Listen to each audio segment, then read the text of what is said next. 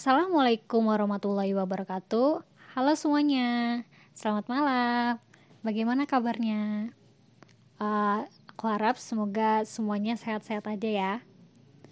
Uh, perkenalkan nama aku Fitri Kawardani. Jadi hari ini aku bakal membahas tentang mengangkat tema tentang masa depan bahasa Indonesia. Seperti yang kita tahu, Indonesia terdiri dari berbagai macam daerah dengan suku yang berbeda-beda, yang pastinya mempunyai bahasa daerahnya masing-masing.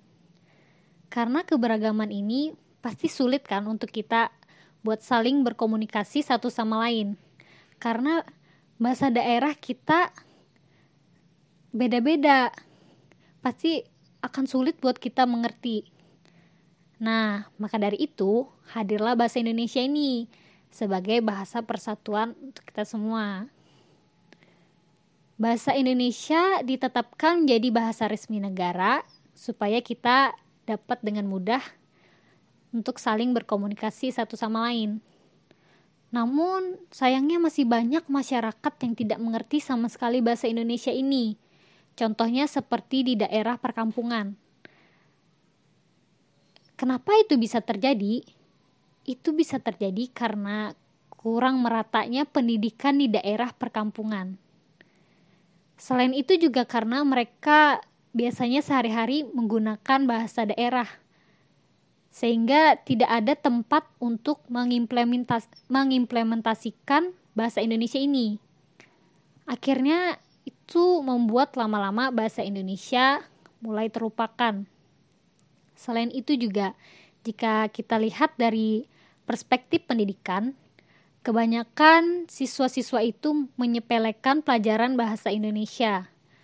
Mereka merasa bahwa bahasa Indonesia ini terlalu mudah karena menurut mereka bahasa Indonesia ini sudah biasa kita gunakan untuk berkomunikasi dalam kehidupan sehari-hari.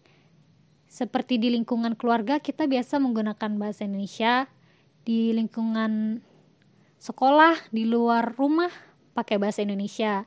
Jadi mereka merasa itu hal yang mudah.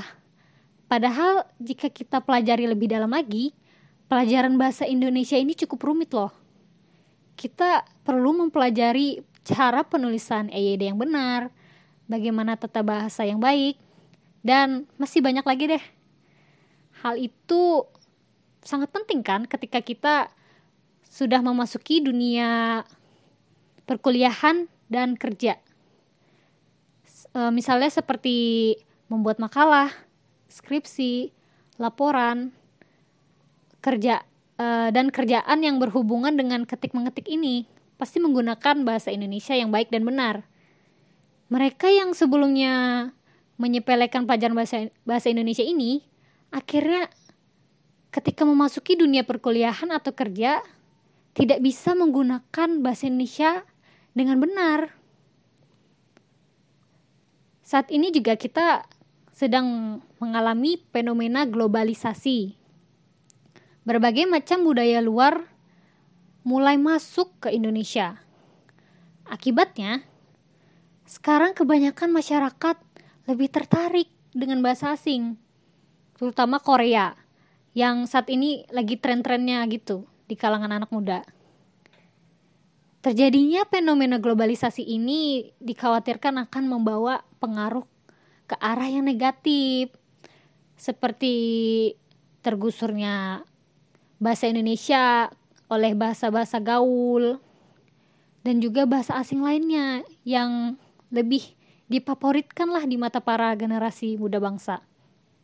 Jadi, sebagai generasi penerus bangsa, kita harus menjaga agar bahasa Indonesia ini tidak kehilangan identitasnya. Jangan sampai nanti bahasa nasional kita akan tergantikan dengan bahasa asing. Nah, saya rasa cukup sampai di sini. Maaf apabila ada salah kata atau masih ada kekurangan karena ini juga baru pertama kalinya saya bikin podcast.